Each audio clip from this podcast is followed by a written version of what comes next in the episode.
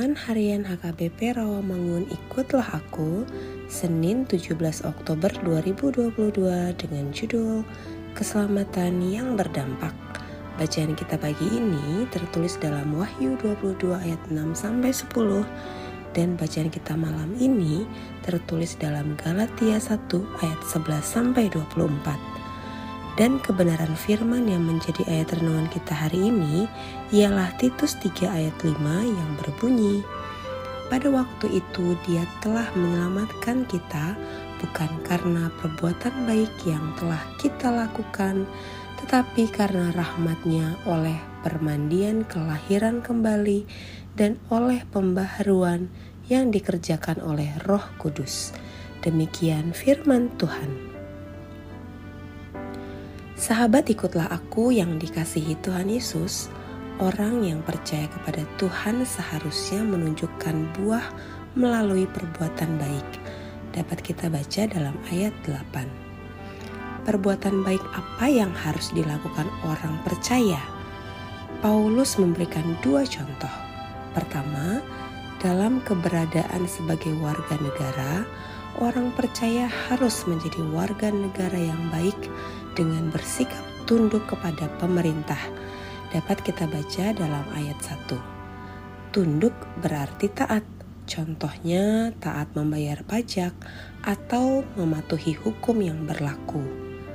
Kita tentu akan dengan senang hati tunduk bila melihat pemerintah yang adil dan bekerja keras memakmurkan rakyat. Namun, apa yang kita temui? Kinerja dan aparat yang korup, tidak adil, dan sewenang-wenang. Kita merasa tak rela mematuhi pemerintah yang seperti itu. Malah mungkin terlintas di benak kita untuk melancarkan protes dengan mengadakan demo. Mengajukan kritik kepada pemerintah jelas bukan hal yang salah bila pemerintah memang menyimpang dari kebenaran namun, kita tetap harus menunjukkan sikap tunduk dalam berbagai aspek yang semestinya kita lakukan sebagai warga negara. Kedua, dalam hubungan dengan orang lain, orang Kristen harus menunjukkan sikap dan tingkah laku sebagai pembawa damai. Dapat kita baca dalam ayat 2. Kedua hal yang tidak mudah tetapi karena terkadang harus mengorbankan kepentingan dan harga diri.